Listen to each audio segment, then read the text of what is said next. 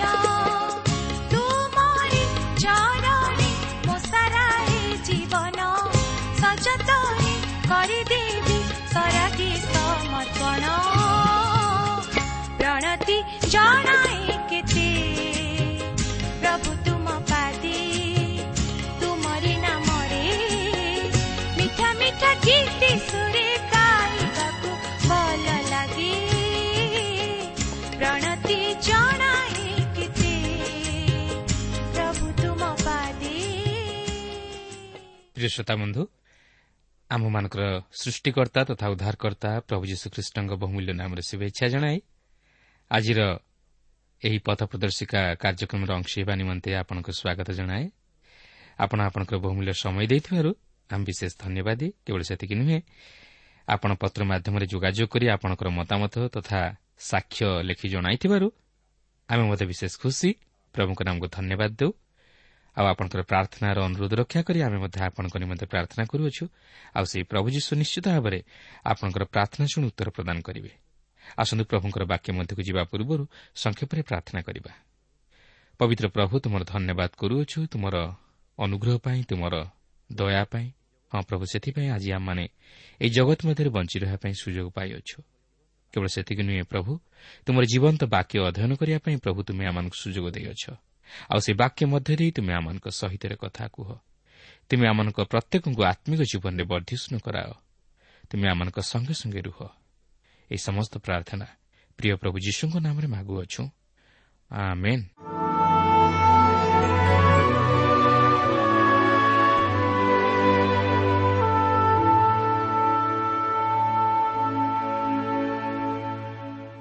ଆସନ୍ତୁ ବର୍ତ୍ତମାନ ଆମେ ପ୍ରଭୁଙ୍କର ବାକ୍ୟ ମଧ୍ୟକୁ ଯିବା। ଆଜି ଆମେ ଝିଅସ ପୁସ୍ତକର ଚଉଦ ପର୍ବର ପ୍ରଥମ ପଦରୁ ଆରମ୍ଭ କରି ପନ୍ଦର ପର୍ବର ତେଷଠି ପଦ ପର୍ଯ୍ୟନ୍ତ ଅଧ୍ୟୟନ କରିବା ନିମନ୍ତେ ଯିବା। ଏହି ଚଉଦ ପର୍ବରେ ଆମେ ଆଉ ଜଣେ ବ୍ୟକ୍ତିଙ୍କ ବିଷୟରେ ଦେଖିବାକୁ ଯିବା ଯିଏକି ଇସ୍ରାଏଲ୍ ବଂଶ ସହିତ ମଧ୍ୟ କିଣା ଦେଶରୁ କିଛି ଅଂଶ ପାଇଥିଲେ। ଆଉ ସେ ହେଲେ କାଲେବ। ଏହି କାଲେବ କନସିୟ ଜିଫୁନୁର ପୁତ୍ର ଥିଲେ। ସେ ଇସ୍ରାଏଲ୍ ବଂଶ ମଧ୍ୟରେ ଜିହୁଦା ବଂଶର ଥିଲେ କାରଣ ଜିଫୁନି ଜିହୁଦା ବଂଶ ମଧ୍ୟରୁ ଜଣେ ସ୍ତ୍ରୀକୁ ବିବାହ କରିଥିଲେ ଓ ସେମାନଙ୍କ ଔରସରୁ ଏହି କାଲେବ ଜନ୍ମଲାଭ କରିଥିଲେ। କିନ୍ତୁ ଏହି କନସିୟମାନେ ଜାକୁବଙ୍କର ବଡ଼ ଭାଇ ଏସୌର ବଂଶଧର ଥିଲେ। ତେବେ ସେ ଯାଉନା କାହିଁକି ଯଦିଓ ଏହି କାଲେବ ଜଣେ ଦାସ ରୂପେ ଜନ୍ମିଥିଲେ ମାତ୍ର ସେ ଜଣେ ଈଶ୍ୱର ପରାୟଣ ବ୍ୟକ୍ତି ଥିଲେ ଓ ଇସ୍ରାଏଲ୍ର ପରମେଶ୍ୱରଙ୍କର ଅନୁଗମନ କରୁଥିଲେ ଓ ତାହାଙ୍କ ଉପରେ ନିର୍ଭର କରିଥିଲେ। ଆମେ ଏଥିପୂର୍ବରୁ ପାଠ କରି ଦେଖିସାରିଛୁ ଯେ ଏହି ଜିଫୁନିର ପୁତ୍ର କାଲେବ ସେହି କିଣାନ୍ ଦେଶ ଅନୁସନ୍ଧାନ କରିବା ନିମନ୍ତେ ଯାଇଥିବା ବାର ଜଣ ଗୁପ୍ତଚରଙ୍କ ମଧ୍ୟରୁ ଜଣେ ଥିଲେ ଯେ କି ସେହି କିଣାନ୍ ଦେଶ ଅନୁସନ୍ଧାନ କରି ଫେରିଆସି ମୂଷାଙ୍କୁ ଏକ ଭରସାଜନକ ସମ୍ବାଦ ଦେଇଥିଲେ ଯାହାଙ୍କ ସମ୍ବାଦରେ ଭରି ରହିଥିଲା ଈଶ୍ୱରଙ୍କ ପ୍ରତି ଦୃଢ଼ ବିଶ୍ୱାସ ଓ ଏକ ବିଜୟର ଆଶା ଓ ସାହସ। କାରଣ ସେ ଈଶ୍ୱରଙ୍କ ଉପରେ ଦୃଢ଼ ବିଶ୍ୱାସ ସ୍ଥାପନ କରିଥିଲେ ଓ ଈଶ୍ୱରଙ୍କର ପ୍ରତିଜ୍ଞା ଉପରେ ଭରସା ରଖିଥିଲେ ଓ ତାହାଙ୍କର ଶକ୍ତି ଉପରେ ନିର୍ଭର କରିଥିଲେ। ତେଣୁକରି ଆପଣ ଦେଖିବେ ଯେ ଇସ୍ରାଏଲ୍ର ସେହି ପୁରାତନ ବଂଶଧର ସେମାନଙ୍କର ଅବିଶ୍ୱାସ ଓ ବାଧ୍ୟତା ହେତୁ ସେମାନେ ସେହି ପ୍ରାନ୍ତର ମଧ୍ୟରେ ମଲେ ମାତ୍ର ସେମାନଙ୍କ ମଧ୍ୟରୁ କେବଳ ଜିଓସିଓ ଓ କାଲେବ ଇସ୍ରାଏଲ୍ର ଏହି ନୂତନ ବଂଶଧରଙ୍କ ସହିତ କିଣା ଦେଶରେ ପ୍ରବେଶ କରିବା ପାଇଁ ସୁଯୋଗ ପାଇଲେ। ଓ ଏଠାରେ ଆମେ ଦେଖୁଛୁ ଯେ କାଲେବ ମଧ୍ୟ ସେହି କିଣାନ୍ ଦେଶରୁ ଅଂଶ ପାଇଲେ ଆଉ ତାହା ହେଉଛି ହିବ୍ରଣ। କେବଳ ସେତିକି ନୁହେଁ ଜିଓସିଓ ଚଉଦ ପର୍ବର ଏଗାର ପଦ ଅନୁଯାୟୀ ତାହାଙ୍କ ଶରୀରରେ ସଦାସର୍ବଦା ଯୌବନର ରକ୍ତ ପ୍ରବାହିତ ହେଉଥିଲା। ତାହାଙ୍କ ବାର୍ଦ୍ଧକ୍ୟ ଅବସ୍ଥାରେ ମଧ୍ୟ ତାହାଙ୍କ ଶରୀରର ବଳ କ୍ଷୀଣ ହୋଇନଥିଲା କାରଣ ତାହାଙ୍କର ବିଶ୍ୱାସ ଅତି ଦୃଢ଼ ଥିଲା ଓ ସେ ଈଶ୍ୱରଙ୍କ ଉପରେ ସଦାସର୍ବଦା ନିର୍ଭର କରୁଥିଲେ। ତେଣୁକରି ଆପଣ ଦେଖିବେ ଯେତେବେଳେ ସେହି ଅନ୍ୟ ଦଶ ଜଣ ଗୁପ୍ତଚର ସେହି କିଣା ଦେଶର ଦୀର୍ଘକାୟ ଲୋକମାନଙ୍କୁ ଦେଖି ଭୟ କରି ଏକ ନିରୁତ୍ସାହଜନକ ସମ୍ବାଦ ଆଣି ମୂଷାଙ୍କୁ ଜଣାଉଛନ୍ତି ସେତେବେଳେ ଜିଓସିଓ ଓ କାଲେବ ଏହି ଉତ୍ସାହ ତଥା ଭରସାଜନକ ସମ୍ବାଦ ଆଣି ମୂଷାଙ୍କୁ ଦେଉଛନ୍ତି କାରଣ ସେମାନେ ଈଶ୍ୱରଙ୍କ ଉପରେ ଦୃଢ଼ ବିଶ୍ୱାସ ରଖିଥିଲେ ଓ ତାହାଙ୍କ ଶକ୍ତି ଉପରେ ନିର୍ଭର କରିଥିଲେ। ତେଣୁକରି ସେମାନେ ସେହି ଦେଶର ଦୀର୍ଘକାୟ ମନୁଷ୍ୟମାନଙ୍କୁ ଦେଖି ଭୟ କରିନଥିଲେ ମାତ୍ର ଈଶ୍ୱରଙ୍କ ଶକ୍ତି ଉପରେ ନିର୍ଭର କରି ବିଶ୍ୱାସର ସହିତ ତାହା ଅଧିକାର କରିବା ନିମନ୍ତେ ଏକ ନିର୍ଭରଯୋଗ୍ୟ ସମ୍ବାଦ ଦେଇଥିଲେ। ତେଣୁକରି ଆପଣ ଦେଖିବେ କାଲେବ ମଧ୍ୟ ଇସ୍ରାଏଲ୍ ସନ୍ତାନଗଣ ସହିତ ସେହି କିଣା ଦେଶରୁ ଅଂଶ ପାଉଅଛନ୍ତି। ଦେଖନ୍ତୁ ଚଉଦ ପର୍ବର ପ୍ରଥମ ଦୁଇ ପଦରେ ଏହିପରି ଲେଖା ଅଛି କିଣାନ ଦେଶରେ ଇସ୍ରାଏଲ୍ ସନ୍ତାନଗଣ ଏହିସବୁ ଅଧିକାର ପାଇଲେ ଇଲିଆସର ଯାଜକ ଓ ନୁନର ପୁତ୍ର ଜିହସିଓ ଓ ଇସ୍ରାଏଲ୍ ସନ୍ତାନଗଣର ପିତୃବଂଶୀୟ ପ୍ରଧାନବର୍ଗ ଯେପରି ସଦାପ୍ରଭୁ ମୋଷା ଦ୍ୱାରା ଆଜ୍ଞା ଦେଇଥିଲେ ତଦନୁସାରେ ସେମାନେ ତାହା ନଅ ବଂଶକୁ ଓ ଅର୍ଦ୍ଧବଂଶକୁ ଗୁଳିବାଣ୍ଟ ଦ୍ୱାରା ବିଭାଗ କରିଦେଲେ। ଏଠାରେ ଆପଣ ଲକ୍ଷ୍ୟ କରିବେ ଯେ ସେମାନେ ଗୁଳିବାଣ୍ଟ ଦ୍ୱାରା ସେହି ଦେଶ ବିଭାଗ କରି ପ୍ରତ୍ୟେକ ବଂଶକୁ ସେମାନଙ୍କର ଅଧିକାର ନିମନ୍ତେ ବାଣ୍ଟିଦେଲେ। ରୁବେନ୍ ଗାଦ ଓ ମନସୀର ଅର୍ଦ୍ଧବଂଶ ଜର୍ଦ୍ଦନର ପୂର୍ବ ପାରିରେ ଅଧିକାର ପାଇଲେ ଓ ଜର୍ଦ୍ଦନର ପରପାରିରେ Simeon Judah Benjamin Dan Ephraim Manasseh Issachar Zebulun Naphtali Asher ଏମାନେ ଅଧିକାର ପାଇଲେ। କିନ୍ତୁ ସେମାନଙ୍କର ଅଧିକାର ଗୁଳିବାଣ୍ଟ ଦ୍ୱାରା ସ୍ଥିର କରାଯାଇଥିଲା। ଆସନ୍ତୁ ଏହାପରେ କାଲେବଙ୍କ ଆଡ଼କୁ ଟିକେ ଦୃଷ୍ଟି ଦେବା। ଯାହାକି ଚଉଦ ପର୍ବର ଛଅ ପଦରୁ ଆଠ ପଦ ମଧ୍ୟରେ ଲେଖା ଅଛି। ସେ ସମୟରେ ଜିହୁଦା ସନ୍ତାନଗଣ ଗିଲଗଲରେ ଝିଅସିଓଙ୍କ ନିକଟକୁ ଆସିଲେ। ତହୁଁ କନେସିୟ ଜିଫୁନିର ପୁତ୍ର କାଲେବ ତାହାଙ୍କୁ କହିଲେ ସଦାପ୍ରଭୁ ତୁମ ବିଷୟରେ ଓ ଆମ୍ଭ ବିଷୟରେ ପରମେଶ୍ୱରଙ୍କ ଲୋକ ମୂଷାଙ୍କୁ କାଦେଶ ବର୍ଣ୍ଣୟରେ ଯାହା କହିଥିଲେ ତାହା ତୁମେ ଜାଣ। ମୋହର ଚାଳିଶ ବର୍ଷ ବୟସରେ ସଦାପ୍ରଭୁଙ୍କ ସେବକ ମୂଷା ଦେଶ ଅନୁସନ୍ଧାନ କରିବା ପାଇଁ କାଦେଶ ବର୍ଣ୍ଣୟଠାରୁ ମୋତେ ପଠାଇଥିଲେ। ତେବେ ମୁଁ ଆପଣା ମନରେ ଯାହା ଥିଲା ତଦନୁସାରେ ତାହାଙ୍କୁ ସମ୍ବାଦ ଆଣିଦେଲି। ତଥାପି ମୋହର ଯେଉଁ ଭ୍ରାତୃଗଣ ମୋର ସଙ୍ଗେ ଯାଇଥିଲେ ସେମାନେ ଲୋକମାନଙ୍କ ହୃଦୟ ତରଳାଇ ପକାଇଲେ। ମାତ୍ର ମୁଁ ସମ୍ପୂର୍ଣ୍ଣ ରୂପେ ସଦାପ୍ରଭୁ ମୋର ପରମେଶ୍ୱରଙ୍କର ଅନୁଗତ ହେଲି। ଆପଣ ଦେଖନ୍ତୁ କାଲେବ ଜଣେ ବ୍ୟକ୍ତି ଥିଲେ ଯିଏକି ସମ୍ପୂର୍ଣ୍ଣ ରୂପେ ପ୍ରଭୁଙ୍କର ଆନୁଗତ୍ୟ ସ୍ୱୀକାର କରିଥିଲେ। ଅର୍ଥାତ୍ ସେ ସମ୍ପୂର୍ଣ୍ଣ ରୂପେ ଈଶ୍ୱରଙ୍କର ବସତା ସ୍ୱୀକାର କରିଥିଲେ ଯାହାକି ସେଠାରେ ପରିଷ୍କାର ଭାବେ ଜିଓସିଓଙ୍କ ନିକଟରେ ପ୍ରକାଶ କରନ୍ତି। ଓ ଜିଓସିଓ ମଧ୍ୟ ତାହା ଭଲ ଭାବେ ଜାଣିଥିଲେ ଯେହେତୁ ଜିଓସିଓ ଓ କାଲେବ ଉଭୟ ଏକ ଭରସାଜନକ ସମ୍ବାଦ ଦେଇଥିଲେ। ବାସ୍ତବରେ ପ୍ରିୟ ବନ୍ଧୁ ଆପଣ ଯଦି ଏହି ଜଗତରେ ଦୀର୍ଘଜୀବୀ ହେବାକୁ ଚାହାନ୍ତି ଓ ଏକ ଉତ୍ତମ ତଥା ସୁଖକର ଜୀବନଯାପନ କରିବା ପାଇଁ ଚାହାନ୍ତି ତାହେଲେ ଏହି କାଲେବଙ୍କ ଜୀବନରୁ ଆପଣଙ୍କୁ ଅନେକ କିଛି ବିଷୟ ଶିକ୍ଷା କରିବାକୁ ଅଛି। କାରଣ କାଲେବ ତାଙ୍କର ବିଶ୍ୱାସ ଓ ଈଶ୍ୱରଙ୍କଠାରେ ସମ୍ପୂର୍ଣ୍ଣ ସମର୍ପିତ ଜୀବନ ହେତୁ ସେ ଏକ ସୁଖକର ଜୀବନ ଓ ଏକ ଦୀର୍ଘ ଜୀବନ ଯାପନ କରିପାରିଥିଲେ। ଇସ୍ରାଏଲ୍ର ପୁରାତନ ବଂଶଧର ଯଦିଓ ସମସ୍ତେ ସେହି ପ୍ରାନ୍ତର ମଧ୍ୟରେ ମଲେ ମାତ୍ର ଜିହୋସିଓ ଓ କାଲେବ ଜୀବିତ ରହିଥିଲେ ଓ ଏହି ନୂତନ ବଂଶଧରଙ୍କ ସହିତ ମିଶି କିଣାନ୍ ଦେଶରେ ପ୍ରବେଶ କରି ତହିଁର ଫଳ ଭୋଗ କଲେ। ଯାହାକି ଚଉଦ ପର୍ବର ଦଶ ପଦରୁ ଏଗାର ପଦର ମଧ୍ୟରେ ଆମେ ଲକ୍ଷ୍ୟ କରିବାକୁ ପାରୁ। ଦେଖନ୍ତୁ କାଲେମଙ୍କର କି ପ୍ରକାର ଶକ୍ତି ଥିଲା। ଓ ସେ ପଞ୍ଚାଅଶୀ ବର୍ଷ ବୟସ୍କ ହୋଇଥିବା ସମୟରେ କହନ୍ତି ଯେ ମୋର ଯୌବନ ସମୟରେ ଯେଉଁ ପ୍ରକାର ଶକ୍ତି ଥିଲା ଏବେ ମଧ୍ୟ ମୋହର ସେହିପରି ଶକ୍ତି ଅଛି। ଦେଖନ୍ତୁ ତାହାଙ୍କର କେତେ ଦୂର ବିଶ୍ୱାସ ଥିଲା। ସେ ଭବିଷ୍ୟତ ପ୍ରତି ଦୃଷ୍ଟି ରଖି ସେହି ଦୀର୍ଘ ଚାଳିଶ ବର୍ଷର ପ୍ରାନ୍ତର ଭ୍ରମଣର ଅନୁଭୂତି ମଧ୍ୟ ଦେଇ ଗଲେ ତଥାପି ମଧ୍ୟ ହତୋତ୍ସାହ ହୋଇପଡ଼ିନଥିଲେ କି ଭାଙ୍ଗି ପଡ଼ିନଥିଲେ। ତାଙ୍କର ବିଶ୍ୱାସ ଥିଲା ଈଶ୍ୱର ତାଙ୍କର ପ୍ରତିଜ୍ଞା ଅନୁଯାୟୀ ଦିନେ ନା ଦିନେ ତାହାଙ୍କୁ ସେହି କିଣାନର ଅଧିକାରୀ କରାଇବେ। ତେଣୁକରି ସେ ତାହାଙ୍କର ବିଶ୍ୱାସକୁ ହରାଇ ନଥିଲେ କି ତାହାଙ୍କର ମନୋବଳ ଭାଙ୍ଗି ପଡ଼ିନଥିଲା। ବର୍ତ୍ତମାନ କୌଣସି ପଞ୍ଚାଅଶୀ ବର୍ଷର ବୃଦ୍ଧ ଲୋକ କାଲେବଙ୍କ ପରି କହିପାରିବ କି? କେବେ ନୁହେଁ। ମୁଁ ଭାବୁଛି ପଞ୍ଚାଅଶୀ ବର୍ଷ ବୟସ୍କ ହେବା ବେଳକୁ ସେ ବ୍ୟକ୍ତି ଶଯ୍ୟାଶାୟୀ ହୋଇଥିବ କିମ୍ବା ତାହାକୁ ଜଣେ ଧରି ଭିତରକୁ କିମ୍ବା ବାହାରକୁ ନେବା ଆଣିବା କରୁଥିବ। କିନ୍ତୁ ଆପଣ ଦେଖନ୍ତୁ କାଲେବ ପଞ୍ଚାଅଶୀ ବର୍ଷ ବୟସ୍କ ହୋଇଥିଲେ ମଧ୍ୟ ସେ କହୁଛନ୍ତି ଏବେ ମଧ୍ୟ ଯୁଦ୍ଧ କରିବା ପାଇଁ ଓ ବାହାରେ ଭିତରେ ଯିବା ଆସିବା ପାଇଁ ମୋହର ଯୌବନ ସମୟରେ ଯେମନ୍ତ ବଳ ଥିଲା ସେପରି ଏବେ ମଧ୍ୟ ମୋହର ବଳ ଅଛି। ଅର୍ଥାତ୍ ସେଠାରେ ପରୋକ୍ଷରେ ଜିଓସିଓଙ୍କୁ ଜଣାଇ ଦେବାକୁ ଚାହାନ୍ତି ଜିଓସିଓ ସେଦିନ ସେହି ଦେଶ ଅନୁସନ୍ଧାନ କରିବାକୁ ଯିବା ସମୟରେ ମୋର ଯେପରି ଦୃଢ଼ ବିଶ୍ୱାସ ଥିଲା ଆଜି ମଧ୍ୟ ମୋର ସେହିପରି ଦୃଢ଼ ବିଶ୍ୱାସ ଅଛି। ସେଦିନ ମୁଁ ଯେଉଁ କାଲେବ ଥିଲି ଆଜି ମଧ୍ୟ ମୁଁ ସେହି କାଲେବ ଅଛି। ବାସ୍ତବରେ ପ୍ରିୟ ବନ୍ଧୁ ଆମେ ଯଦି କାଲେବଙ୍କ ଜୀବନକୁ ଲକ୍ଷ୍ୟ କରିବା ତାହେଲେ ତାହାଙ୍କର ବାସ୍ତବ ବିଶ୍ୱାସକୁ ଆମେ ଦେଖିପାରିବା। ସେ ଦୀର୍ଘ ଚାଳିଶ ବର୍ଷ ଧରି ସେହି ପ୍ରାନ୍ତରରେ ଜଟିଳ ପରିସ୍ଥିତି ମଧ୍ୟ ଦେଇ ଗଲେ ମଧ୍ୟ ତାଙ୍କର ବିଶ୍ୱାସରୁ ସେ ଖସିଯାଇ ନଥିଲେ। ସେ ଈଶ୍ୱରଙ୍କର ସେହି ପ୍ରତିଜ୍ଞାକୁ ସ୍ମରଣ କରି ସେହି ଭବିଷ୍ୟତର ସୁଖକୁ ଦୃଷ୍ଟି ଆଗରେ ରଖି ସବୁକିଛି ଦୁଃଖ କଷ୍ଟକୁ ଭୁଲି ଯାଇଥିଲେ। ତାଙ୍କର ଆଗରେ ସେହି ଚାଳିଶ ବର୍ଷର ପ୍ରାନ୍ତର ଭ୍ରମଣ ମଧ୍ୟରେ ତାଙ୍କର ସମସାମୟିକ ସମସ୍ତେ ମଲେ। ମାତ୍ର ସେ ନିଜର ବିଶ୍ୱାସକୁ ହରାଇ ନଥିଲେ। ସେ ଈଶ୍ୱରଙ୍କ ପ୍ରତି ବିରକ୍ତି ଭାବ ବା ମୂଷାଙ୍କ ପ୍ରତି ବିରକ୍ତି ଭାବ ପ୍ରକାଶ କରିନଥିଲେ ମାତ୍ର ବିଶ୍ୱାସରେ ସ୍ଥିର ରହିଥିଲେ। ତେଣୁକରି ସେହି ଚାଳିଶ ବର୍ଷର କଷ୍ଟ ଦୁଃଖକୁ ସେ ସମ୍ପୂର୍ଣ୍ଣ ଭୁଲି ଯାଇଥିଲେ। କାରଣ ତାଙ୍କର ମନରେ କେବଳ ଗୋଟିଏ ଆଶା ଥିଲା କିପରି ସେ ସେହି କିଣା ଦେଶର ଫଳ ପ୍ରାପ୍ତ ହେବେ। ମୁଁ ଭାବୁଛି ଅନେକ କାଲେବଙ୍କୁ ଅନେକ ପ୍ରକାର ହତୋତ୍ସାହଜନକ କଥା କହିଥିବେ। ଅନେକ ତାହାଙ୍କୁ କହିଥିବେ ଆରେ ତୁ ଯେଉଁ ଆଶା ରଖିଛୁ ତାହା କ'ଣ ବାସ୍ତବରେ ତୁ ଉପଭୋଗ କରିପାରିବୁ? ତୁ କ'ଣ ଏହି ଦୀର୍ଘ ତଥା ଜଟିଳ ପ୍ରାନ୍ତର ଭ୍ରମଣକୁ ଅତିକ୍ରମ କରି ସେହି କିଣା ଦେଶରେ ପ୍ରବେଶ କରିପାରିବୁ? ଏହା ଏତେ ସହଜ ନୁହେଁ। ତାଛଡ଼ା ଆପଣ ଦେଖନ୍ତୁ ସେତେବେଳେ କାଲେବ ଜାଣିନଥିଲେ ତାହାଙ୍କୁ ଏହିପରି କେତେ ବର୍ଷ ପ୍ରାନ୍ତର ମଧ୍ୟରେ ବିତାଇବାକୁ ହେବ।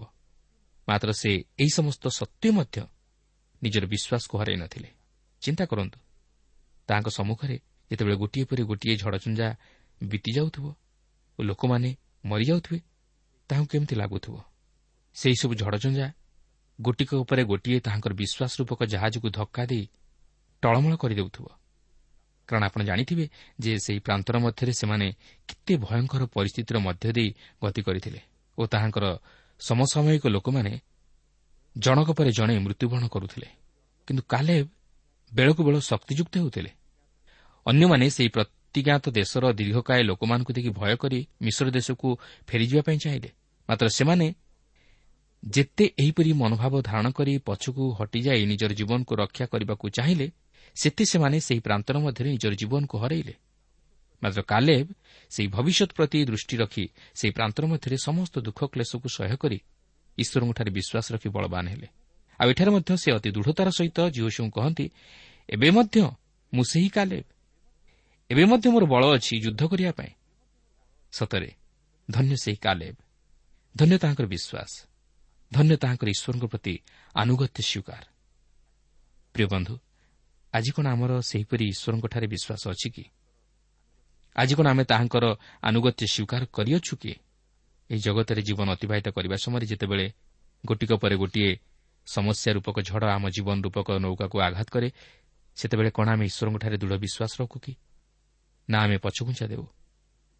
ହଁ ଏହି ଜୀବନରେ ଏହିପରି ଅନେକ ଦୁଃଖ କ୍ଲେଶ ଓ ସଙ୍କଟର ତଥା ସମସ୍ୟାର ମଧ୍ୟ ଦେଇ ଆମକୁ ଗତି କରିବାକୁ ହେବ। ମାତ୍ର ଏହାର ଅର୍ଥ ନୁହେଁ ଯେ ଈଶ୍ୱର ଆମକୁ ପରିତ୍ୟାଗ କରିଦେଇଛନ୍ତି। ମାତ୍ର ଆମେ ଜାଣି ରଖିବାକୁ ହେବ ଯେ ଏହି ସମସ୍ତ ଅନୁଭୂତି ମଧ୍ୟ ଦେଇ ଈଶ୍ୱର ଆମକୁ ତାହାଙ୍କର ନିକଟବର୍ତ୍ତୀ କରାଇବାକୁ ଚାହାନ୍ତି। ସେଦିନ କାଲେବ ଯଦି ବିଶ୍ୱାସରେ ଦୁର୍ବଳ ହୋଇଯାଇଥାନ୍ତେ ତାହେଲେ ମୁଁ ଭାବୁନାହିଁ ଯେ ସେ ସେହି କିଣାନ୍ ଦେଶରେ ପ୍ରବେଶ କରିବା ନିମନ୍ତେ ସୁଯୋଗ ପାଇଥାନ୍ତେ। ଏହାପରେ ବାରପଦରେ ଆପଣ ଲକ୍ଷ୍ୟ କରିବେ କାଲେବ ଈଶ୍ୱରଙ୍କଠାରେ ବିଶ୍ୱାସ କରିଥିବାରୁ ଓ ସେ ବିଶ୍ୱାସର ସହିତ ସମସ୍ତ କ୍ଲେଶ ଓ ସଙ୍କଟକୁ ଅତିକ୍ରମ କରିଥିବାରୁ ସେହି ହିବ୍ରଣ ଦେଶରେ ବାସ କରିବା ନିମନ୍ତେ ଓ ସେହି ହିବ୍ରଣକୁ ଅଧିକାର କରିବା ନିମନ୍ତେ ଜିଓସିଓଙ୍କୁ କହନ୍ତି। ତେବେ ସେହି ସ୍ଥାନ ହେଉଛି ହିବ୍ରଣ। ଓ ଏହି ହିବ୍ରଣର ଅର୍ଥ ସହଭାଗିତା। କାଲେବ ଈଶ୍ୱରଙ୍କର ସହ ସହଭାଗିତା ସ୍ଥାପନ କରିଥିଲେ ଓ ବର୍ତ୍ତମାନ ସେ ସେଠାରେ ରହିବାକୁ ଚାହାନ୍ତି।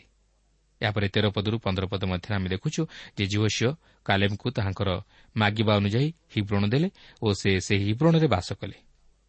ପ୍ରିୟ ବନ୍ଧୁ ଈଶ୍ୱର ଆମର କାର୍ଯ୍ୟକୁ ଦେଖନ୍ତି ନାହିଁ। ମାତ୍ର ସେ ଚାହାନ୍ତି ଆମମାନଙ୍କର ସମ୍ପୂର୍ଣ୍ଣ ସମର୍ପିତ ଜୀବନ। କାଲେବ ସମ୍ପୂର୍ଣ୍ଣ ଈଶ୍ୱରଙ୍କର ଅନୁଗତ ହୋଇଥିଲେ ଓ ସେ ସେହି ପୁରସ୍କାର ପ୍ରାପ୍ତ ହେଲେ। ଆଜି ମଧ୍ୟ ଆମେ ଯଦି ଈଶ୍ୱରଙ୍କର ସମ୍ପୂର୍ଣ୍ଣ ଅନୁଗତ ହୋଇ ରହୁ ଓ ପ୍ରଭୁ ଯୀଶୁଖ୍ରୀଷ୍ଟଙ୍କଠାରେ ବିଶ୍ୱାସ କରି ତାହାଙ୍କର ଅନୁଗମନ କରୁ ତାହେଲେ ଆମେ ମଧ୍ୟ ସେହି ଆତ୍ମିକ ଆଶୀର୍ବାଦର ଅଧିକାରୀ ହେବା ଓ ଈଶ୍ୱରଙ୍କଠାରୁ ପୁରସ୍କାର ପାଇବା। କାଲେବ ଯେଉଁ ସ୍ଥାନ ମନୋନୀତ କଲେ ସେଠାରେ ଦୀର୍ଘକାଳ ଲୋକ ବାସ କରୁଥିଲେ।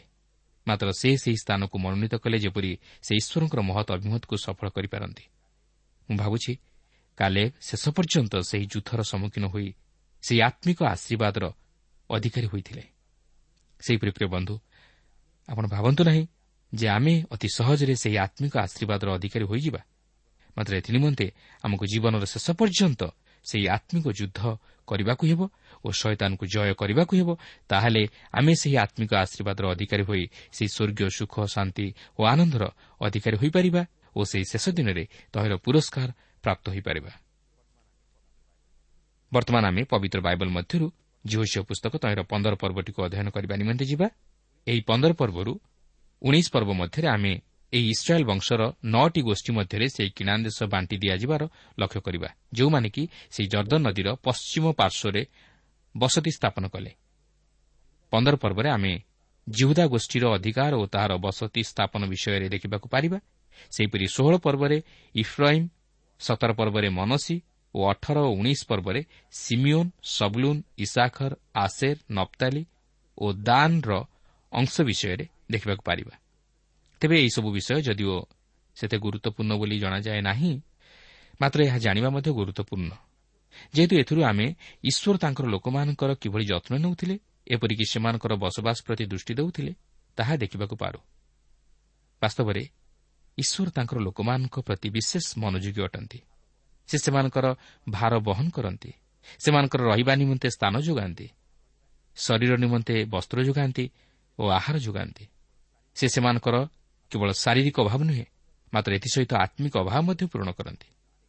ଏଠାରେ ଆପଣ ଦେଖନ୍ତୁ ସେ ଇସ୍ରାଏଲ୍ ଲୋକମାନଙ୍କର ରହିବା ନିମନ୍ତେ ସ୍ଥାନ ମଧ୍ୟ ଯୋଗାନ୍ତି। ସେ ସେମାନଙ୍କର ନିମନ୍ତେ ଭୂମି ମଧ୍ୟ ଯୋଗାନ୍ତି। କିନ୍ତୁ ଆମେ ଏହିସବୁ ବିଷୟକୁ କେବେ ହେଲେ ଗୁରୁତ୍ୱ ଦେଉନା। ଆମେ ଏହାକୁ ଅତି ସାଧାରଣ ବିଷୟ ବୋଲି ଭାବୁ। ମାତ୍ର ଏପରି ଭାବିବା ଠିକ୍ ନୁହେଁ। ଆଜି ଆମେ ଯେଉଁ ସ୍ଥାନରେ ବାସ କରୁଅଛୁ ଯେଉଁ ଭୂମିରେ ଚାଷବାସ କରୁଅଛୁ ତାହା ମଧ୍ୟ ଈଶ୍ୱର ଆମକୁ ଯୋଗାଇ ଅଛନ୍ତି। ସେଦିନ ସେ ଇସ୍ରାଏଲ୍ ଲୋକମାନଙ୍କୁ ଯେପରି ସେମାନଙ୍କର ବସବାସ ଓ ଚାଷବାସ ନିମନ୍ତେ ଭୂମି ଯୋଗାଇଲେ ଓ ତହିଁର ସୀମା ସ୍ଥିର କଲେ ଆଜି ମଧ୍ୟ ଈଶ୍ୱର ଆମମାନଙ୍କର ଭୂମିର ସୀମା ସ୍ଥିର କରନ୍ତି। ଏହିସବୁ ବିଷୟ ଏଠାରେ ଆମମାନଙ୍କ ନିକଟରେ ପ୍ରକାଶ କରିବାର କାରଣ ହେଉଛି ଆମେ ଯେପରି ଜାଣିବାକୁ ପାରୁ ଯେ ଈଶ୍ୱର ଆମମାନଙ୍କର ବସବାସ ନିମନ୍ତେ ଭୂମି ଯୋଗାନ୍ତି ଓ ତହିଁର ସୀମା ନିରୂପଣ କରନ୍ତି କାରଣ ଈଶ୍ୱରଙ୍କ ଇଚ୍ଛା ବିହୁନେ କୌଣସି କାର୍ଯ୍ୟ ହୋଇନପାରେ ଓ କୌଣସି ବିଷୟ ଆମମାନଙ୍କ ଜୀବନରେ ସାଧିତ ହୋଇନପାରେ ତେବେ ଏହି ପର୍ବଟି ଅଧ୍ୟୟନ କରିବାକୁ ଯିବା ପୂର୍ବରୁ ମୁଁ ଆପଣଙ୍କୁ ସ୍ମରଣ କରାଇ ଦେବାକୁ ଚାହେଁ ଯେ ଚଉଦ ପର୍ବରେ ଆମେ ଦେଖିଥିଲୁ କାଲେବ ଯେ କି ଜିହୁଦା ଗୋଷ୍ଠୀ ମଧ୍ୟରେ ଜଣେ ସଦସ୍ୟ ଥିଲା ଈଶ୍ୱର ତାହାକୁ ହିବ୍ରଣରେ ବସବାସ କରିବା ନିମନ୍ତେ ଅଧିକାର ଦେଇଥିଲେ ଯାହାକି ଦୀର୍ଘକାୟ ଓ ବଳବାନ ଲୋକମାନଙ୍କର ବାସସ୍ଥଳୀ ଥିଲା। କିନ୍ତୁ କାଲେବ ତାହା ଅଧିକାର କରିବା ନିମନ୍ତେ ଅତି ସାହସର ସହ ଆଗେଇ ଯାଇଥିଲେ ଓ ସେ ତାହା ଅଧିକାର କରିଥିଲେ। କିନ୍ତୁ ଏହି ପନ୍ଦର ପର୍ବରେ ଆମେ ସେହି କାଲେବଙ୍କ ବିଷୟ ନେଇ କିଛି ଅଧ୍ୟୟନ କରିବା ଓ ମଧ୍ୟ ଜିହୁଦା ଗୋଷ୍ଠୀର ସୀମା ସ୍ଥିର ହେବା ବିଷୟ ନେଇ ଅଧ୍ୟୟନ କରିବାକୁ ଯିବା। କାଲେବ ଯଦିଓ ହିବ୍ରଣର ଅଧିକାର ପାଇଲେ ମାତ୍ର ସମଗ୍ର ଜିହୁଦା ଗୋଷ୍ଠୀ ନିମନ୍ତେ ମଧ୍ୟ ସେମାନଙ୍କର ଭୂମିର ସୀମା ସ୍ଥିର କରାଯାଇଥିଲା। ତେବେ ଆମେ ପନ୍ଦର ପର୍ବର ପ୍ରତ୍ୟେକଟି ପଦକୁ ପାଠ କରିବାକୁ ଯିବା ନାହିଁ ମାତ୍ର ଏହାର କେତେକ ମୁଖ୍ୟ ଅଂଶ ଉପରେ ଆମେ ଟିକେ ଦୃଷ୍ଟି ଦେବା। ପନ୍ଦର ପର୍ବର ପ୍ରଥମ ପଦରୁ ବାର ପଦ ମଧ୍ୟରେ ଜିହୁଦା ସନ୍ତାନଗଣର ଅଧିକାର ଓ ସେମାନଙ୍କର ଭୂମିର ସୀମା ବିଷୟ ନେଇ ପ୍ରକାଶ କରାଯାଇଅଛି ତେବେ ଆମେ ସେହିସବୁ ପଦଗୁଡ଼ିକୁ ପାଠ କରିବା ପାଇଁ ଯିବା ନାହିଁ କିନ୍ତୁ ଏମାନଙ୍କର ସୀମା ସେହି ଜର୍ଦ୍ଦନର ପୂର୍ବ ପାରିରେ ନ ଥିଲା ମାତ୍ର ପଶ୍ଚିମ ପାରିରେ ଥିଲା। କିନ୍ତୁ ଏଠାରେ ଆମେ ଟିକେ କାଲେମଙ୍କ ପ୍ରତି ଦୃଷ୍ଟି ଦେବା। ଦେଖନ୍ତୁ ତେର ଓ ଚଉଦ ପଦରେ ଲେଖା ଅଛି ଅନନ୍ତର ଜିଓସିଓ ପ୍ରତି ସଦାପ୍ରଭୁଙ୍କ ଆଜ୍ଞାନୁସାରେ ସେ ଜିହୁଦା ସନ୍ତାନଗଣ ମଧ୍ୟରେ ଜିଫୁନିର ପୁତ୍ର କାଲେମଙ୍କର ଭାଗ ନିମନ୍ତେ ହିବ୍ରଣ ନାମରେ ପ୍ରସିଦ୍ଧ କିରିୟଥ ଅର୍ବ ଦେଲା। ଅର୍ବ ଅନାକର ପିତା ଥିଲା। ପୁଣି କାଲେବ ସେଠାରୁ ଅନାକର ବଂଶ ଶେଷୟ ଓ ଅହିମାନ ଓ ତନ୍ମୟ ନାମକ ଅନାକର ତିନି ପୁତ୍ରଙ୍କୁ ତଡ଼ିଦେଲେ। ଆପଣ ଦେଖନ୍ତୁ ଯେ କାଲେବ ଯେଉଁ ଦେଶରେ ବାସ କରିବା ନିମନ୍ତେ ମାଗିଥିଲେ ତହିଁରେ ଅତି ଦୀର୍ଘକାୟ ଓ ବଳବାନ ଲୋକ ବାସ କରୁଥିଲେ ଓ ସେ ଏପରି ବାର୍ଦ୍ଧକ୍ୟ ଅବସ୍ଥାରେ ମଧ୍ୟ ସେମାନଙ୍କ ସହିତ ଯୁଦ୍ଧ କରି ସେମାନଙ୍କୁ ସେହି ଦେଶରୁ ତଡ଼ିଦେଲେ। ପ୍ରକୃତରେ ସେ ଝିଅଝିଅଙ୍କୁ ଯାହା କହିଥିଲେ ତାହା କାର୍ଯ୍ୟରେ ପରିଣତ କଲେ। ସେ ଯଦିଓ ସେହି ହିବ୍ରଣରେ ବସବାସ କରିବା ନିମନ୍ତେ ଅଧିକାର ପାଇଥିଲେ ମାତ୍ର ତାହା ଏତେ ସହଜରେ ନୁହେଁ କାରଣ ତହିଁ ନିମନ୍ତେ ତାହାଙ୍କୁ ଯୁଦ୍ଧ ମଧ୍ୟ କରିବାକୁ ପଡ଼ିଥିଲା। ସେ ସେହି ଅନାକ୍ୟମାନଙ୍କ ସହିତ ଯାଇ ସାମିଲ ହୋଇଗଲେ ନାହିଁ ବା ସେମାନଙ୍କ ସହିତ ଆପୋଷ ମିଳାମିଶା କରି ରହିଗଲେ ନାହିଁ। ମାତ୍ର ସେମାନଙ୍କୁ ସେହି ସ୍ଥାନରୁ ତଳିଦେଲେ କାରଣ ସେ ଈଶ୍ୱରଙ୍କର ଆଦେଶ ଅନୁଯାୟୀ କାର୍ଯ୍ୟ କରିବାକୁ ଚାହିଁଥିଲେ। ଯେହେତୁ ଈଶ୍ୱର କହିଥିଲେ ତୁମେମାନେ ତୁମମାନଙ୍କ ଶତ୍ରୁମାନଙ୍କୁ ତୁମମାନଙ୍କ ଦେଶରୁ ସମୂଳେ ନିପାତ କରିବ। ତେଣୁ କାଲେ ମଧ୍ୟ ସେହିପରି ତାଙ୍କର ଶତ୍ରୁମାନଙ୍କୁ ସେହି ଦେଶରୁ ତଳି ଦେଇଥିଲେ। ସେ କ'ଣ ଚାହିଁଥିଲେ ସେମାନଙ୍କ ସହିତ ମିଶି ରହିପାରିନଥାନ୍ତେ? ମାତ୍ର ସେ ଈଶ୍ୱରଙ୍କ ଇଚ୍ଛାକୁ ସଫଳ କରିବା ପାଇଁ ଚାହିଁଥିଲେ। ପ୍ରିୟ ବନ୍ଧୁ ଏହି ଜଗତ ମଧ୍ୟ ଆମମାନଙ୍କ ନିମନ୍ତେ ସେହିପରି ଏକ ଯୁଦ୍ଧର ସ୍ଥାନ। ଏହି ଜଗତରେ ସେହି ଆତ୍ମିକ ଆଶୀର୍ବାଦ ସବୁର ଅଧିକାରୀ ହେବାକୁ ହେଲେ ଆମକୁ ସେହି ଆତ୍ମିକ ଯୁଦ୍ଧରେ ପ୍ରାଣପଣ କରିବାକୁ ହେବ ଓ ଶୟତାନର ପ୍ରତିରୋଧ କରିବାକୁ ହେବ। ତାହେଲେ ଆମେ ସେହି ଆତ୍ମିକ ଆଶୀର୍ବାଦ ସବୁର ଅଧିକାରୀ ହୋଇପାରିବା। କିନ୍ତୁ ଅନେକ ଆଜି ଏହି ଜଗତରେ ଏକ ଆପୋଷ ମିଳାମିଶାର ମନୋଭାବ ପୋଷଣ କରନ୍ତି। ସେମାନେ ଗୋଟିଏ ପାଖେ ଜଗତ ସହିତ ସାମିଲ ହୋଇ ଜାଗତିକ ସୁଖକୁ ଉପଭୋଗ କରିବାକୁ ଚାହାନ୍ତି ଅନ୍ୟ ପାଖେ କିଛି ଧର୍ମକର୍ମ କରି ସେହି ଆତ୍ମିକ ସୁଖକୁ ଉପଭୋଗ କରିବାକୁ ଚାହାନ୍ତି। କିନ୍ତୁ ଈଶ୍ୱର ଏହି ପ୍ରକାର ଜୀବନ ଆମମାନଙ୍କ ନିକଟରୁ ଆଶା କରନ୍ତି ନାହିଁ। ସେଦିନ ଈଶ୍ୱର ଇସ୍ରାଏଲ୍ ସନ୍ତାନଗଣକୁ ସେମାନଙ୍କ ଦେଶରୁ ସେହି ଶତ୍ରୁମାନଙ୍କୁ ଦମନ କରିବା ପାଇଁ କହିଥିଲେ। କାହିଁକି? କାରଣ ତାହାଙ୍କର ମନୋନୀତ ଲୋକମାନେ ଯେପରି ଅନ୍ୟ ବିଜାତୀୟ ଲୋକମାନଙ୍କର କାର୍ଯ୍ୟକଳାପକୁ ଅନୁକରଣ ନ କରନ୍ତି ବା ସେମାନଙ୍କ ସହିତ ପାପରେ ପତିତ ନ ହୁଅନ୍ତି ମାତ୍ର ସେମାନଙ୍କଠାରୁ ପୃଥକୀକୃତ ହୋଇ ରୁହନ୍ତି। ଏଥିନିମନ୍ତେ ସେମାନଙ୍କ ଶତ୍ରୁମାନଙ୍କୁ ସେହି କିଣା ଦେଶରୁ ବହିଷ୍କାର କରିଦେବା ପାଇଁ ଓ ସେମାନଙ୍କୁ ନିପାତ କରିଦେବା ପାଇଁ ଈଶ୍ୱର ଆଦେଶ ଦେଇଥିଲେ। କିନ୍ତୁ ଆଜି ଆମେ କ'ଣ କରୁଛୁ? ଆଜି ଆମେ ଅନ୍ୟକୁ ଅନୁକରଣ କରୁଛୁ। ସେ ଯେପରି କରୁଅଛି ମୁଁ ସେପରି କରିବି। ସେ ଯେପରି ବେଶ ପୋଷାକ ପିନ୍ଧୁଅଛି ମୁଁ ସେପରି ପିନ୍ଧିବି। ସେ ଯେପରି ମଦ ପିଉଅଛି ମୁଁ ସେପରି ମଦ ପିଇବି। ସେ ଯେପରି ସିନେମା ଦେଖୁଅଛି ମୁଁ ସେପରି ଦେଖିବି। ଏହିପରି ଭାବେ ଆମେ ପରସ୍ପରକୁ ଅନୁକରଣ କରି ଚାଲିଅଛୁ। ମାତ୍ର ଖ୍ରୀଷ୍ଟଙ୍କୁ ନୁହେଁ। ଆମେ କେବଳ ଖରାପ ବିଷୟ ସବୁ ଅତି ଶୀଘ୍ର ଅନୁକରଣ କରୁ ମାତ୍ର ଭଲ ବିଷୟ ନୁହେଁ। ତେଣୁ ଏହିପରି ଭାବରେ ଆମେ ଅନ୍ୟ ଦ୍ୱାରା ପ୍ରଭାବିତ ହୋଇ ଚାଲିଅଛୁ। ଆମର ନିଜର ନିଜତ୍ୱକୁ ମଧ୍ୟ ଆମେ ଭୁଲିଯାଉ। ଆମେ କେବଳ ମନୁଷ୍ୟମାନଙ୍କୁ ଅନୁକରଣ କରି ଚାଲିଅଛୁ ମାତ୍ର ଈଶ୍ୱରଙ୍କୁ ନୁହେଁ। ଈଶ୍ୱରଙ୍କ ବିଷୟ ଅଧଘଣ୍ଟା ଧରି ଶୁଣିବାକୁ ଆମକୁ ଅତି ଅଧୈର୍ଯ୍ୟ ଲାଗେ। କିନ୍ତୁ ଟେଲିଭିଜନ ସମ୍ମୁଖରେ ବା ସିନେମା ହଲ୍ରେ ଘଣ୍ଟା ଘଣ୍ଟା ଧରି ବସି ସମୟ ଅତିବାହିତ କରିବାରେ ଆମକୁ ଅଧୈର୍ଯ୍ୟ ଲାଗେ ନାହିଁ। ତେଣୁକରି ଆଜି ଆମମାନଙ୍କର ପ୍ରତ୍ୟେକଙ୍କର ଆତ୍ମିକ ଜୀବନରେ ପତନ ଘଟିଅଛି। ଆଜି ଆମେ ଈଶ୍ୱରଙ୍କୁ ଛାଡ଼ି ଦେଇଛୁ ମାତ୍ର ଜଗତକୁ ସାଥୀ କରିଛୁ। ଜଗତର ବିଷୟ ନିମନ୍ତେ ସମୟ ଅଛି ମାତ୍ର ଈଶ୍ୱରଙ୍କ ନିମନ୍ତେ ସମୟ ନାହିଁ। ଆଜି ଆମେ ଜଗତର ଜାଗତିକତାରେ ଲିପ୍ତ ଅଛୁ ମାତ୍ର ଈଶ୍ୱରଙ୍କ ବାକ୍ୟ ଧ୍ୟାନ କରିବା ନିମନ୍ତେ ଆମକୁ ସମୟ ମିଳେ ନା ଆଜି ଏହି ଶୟତାନ ଆମକୁ ଅଧିକାର କରିନେଇଛି। ଆମେ ତା'ର ସବୁକିଛି ଚକ୍ରାନ୍ତକୁ ଜାଣିଲେ ମଧ୍ୟ ତାହାରି ମାୟାଜାଲରେ ବାନ୍ଧି ହୋଇଯାଉ। ଶୈତାନ ଆଜି ଆମକୁ ଜିତିପାରିଛି ମାତ୍ର ଆମେ ଶୈତାନକୁ ଜିତିପାରିନାହୁଁ। କାରଣ ଆମେ ଶୈତାନ ବିରୁଦ୍ଧରେ ଛିଡ଼ା ହେବାକୁ ଚାହୁଁନା। ଯେହେତୁ ଶୈତାନ ବିରୁଦ୍ଧରେ ଛିଡ଼ା ହେବାକୁ ହେଲେ ଆମକୁ ମଧ୍ୟ ଅନେକ କଷ୍ଟ ଦୁଃଖ ସହ୍ୟ କରିବାକୁ ହେବ। ତେଣୁକରି ଆଜି ଆପଣ ଦେଖିବେ ଅନେକ ସତ୍ୟ ସପକ୍ଷରେ ବା ନ୍ୟାୟର ସପକ୍ଷରେ ଛିଡ଼ା ହୁଅନ୍ତି ନାହିଁ। ମାତ୍ର ଅସତ୍ୟ ଓ ଅନ୍ୟାୟ ସପକ୍ଷରେ ଛିଡ଼ା ହୁଅନ୍ତି। କାରଣ ସେମାନେ ଜାଣନ୍ତି ଯେ ସତ୍ୟ ସପକ୍ଷରେ ବା ନ୍ୟାୟ ସପକ୍ଷରେ ଛିଡ଼ା ହେବାକୁ ହେଲେ ସେମାନଙ୍କୁ ଅନେକ ସମସ୍ୟାର ସମ୍ମୁଖୀନ ହେବାକୁ ହେବ। ତେଣୁ ସେମାନେ ଅସତ୍ୟ ଓ ଅନ୍ୟାୟ ସପକ୍ଷରେ ଛିଡ଼ା ହୁଅନ୍ତି। କ'ଣ? ଆଜି ଏହା ଆମମାନଙ୍କ ଜୀବନରେ ଘଟୁନାହିଁ କି? ତାହେଲେ ଆମେ କିପରି ଈଶ୍ୱରଙ୍କର ହୋଇପାରିବା ବା ତାହାଙ୍କୁ ସନ୍ତୁଷ୍ଟ କରିପାରିବା। କିନ୍ତୁ ଦେଖନ୍ତୁ କାଲେବ ପଞ୍ଚାଅଶୀ ବର୍ଷରେ ଯୁଦ୍ଧ କରି ଜୟୀ ହେଉଛନ୍ତି। ଏହା କାହା ଲାଗି ସମ୍ଭବ ହେଲା? କ'ଣ କାଲେବଙ୍କ ଲାଗି? କେବେ ନୁହେଁ। ମାତ୍ର କାଲେବ ଯେଉଁ ସତ୍ୟ ତଥା ଜୀବନ୍ତ ଈଶ୍ୱରଙ୍କ ଉପରେ ବିଶ୍ୱାସ କରିଥିଲେ ତାହାଙ୍କ ଲାଗି। ପ୍ରିୟ ବନ୍ଧୁ ଏହି ଜଗତ ଦୃଷ୍ଟିରେ ଆପଣ ପଞ୍ଚାଅଶୀ ବର୍ଷର ବୃଦ୍ଧ ହୋଇପାରନ୍ତି ବା ତିରିଶ ବର୍ଷର ଭେଣ୍ଡିଆ ହୋଇପାରନ୍ତି। ସେଥିରେ କି ଯାଏ ଆସେ ନାହିଁ। ମାତ୍ର ଆପଣ ପ୍ରଭୁଙ୍କ ନିମନ୍ତେ ଯଦି ଛିଡ଼ା ହୁଅନ୍ତି ତାହେଲେ ତାହା ହିଁ ହେଉଛି ମହାନ ବିଷୟ। ପ୍ରଭୁ ଆପଣଙ୍କ ଦ୍ୱାରା ତାଙ୍କର ଆଶ୍ଚର୍ଯ୍ୟ କାର୍ଯ୍ୟ ସାଧନ କରିବେ। ଦେଖନ୍ତୁ କାଲେବ ଏହାପରେ ଆଉ କ'ଣ କରୁଛନ୍ତି? ପନ୍ଦର ପଦରୁ ଉଣେଇଶ ପଦ ମଧ୍ୟରେ ଆମେ ଦେଖୁ ଯେ କାଲେବ କିପରି ଈଶ୍ୱରଙ୍କର ଇଚ୍ଛାକୁ ସଫଳ କରିବାକୁ ଚାହିଁଥିଲେ। ସେ ଦବିର ନିବାସୀମାନଙ୍କୁ ମଧ୍ୟ ତାହାଙ୍କ ଦେଶରୁ ବହିଷ୍କାର କରିବାକୁ ପଦକ୍ଷେପ ନେଇଥିଲେ। ଓ ସେ ସେଥିନିମନ୍ତେ ସେ ନିଜର କନ୍ୟା ଅକ୍ସାରକୁ ସେହି ଅତ୍ନିଏଲ୍ ସହିତ ବିବାହ ଦେଇଥିଲେ ଯେହେତୁ ସେହି ଅତ୍ନିଏଲ୍ ଦବିରକୁ ଜୟ କରିଥିଲା। କେବଳ ସେତିକି ନୁହେଁ ସେ ନିଜର ଉତ୍ତମ ଉତ୍ତମ ଭୂମି ମଧ୍ୟ ତାଙ୍କର କନ୍ୟାକୁ ଦେଇଥିଲେ। ଏଥିରୁ କାଲେବଙ୍କର ଈଶ୍ୱରଙ୍କ ପ୍ରତି ମନୋଭାବ ପ୍ରକାଶ ପାଏ।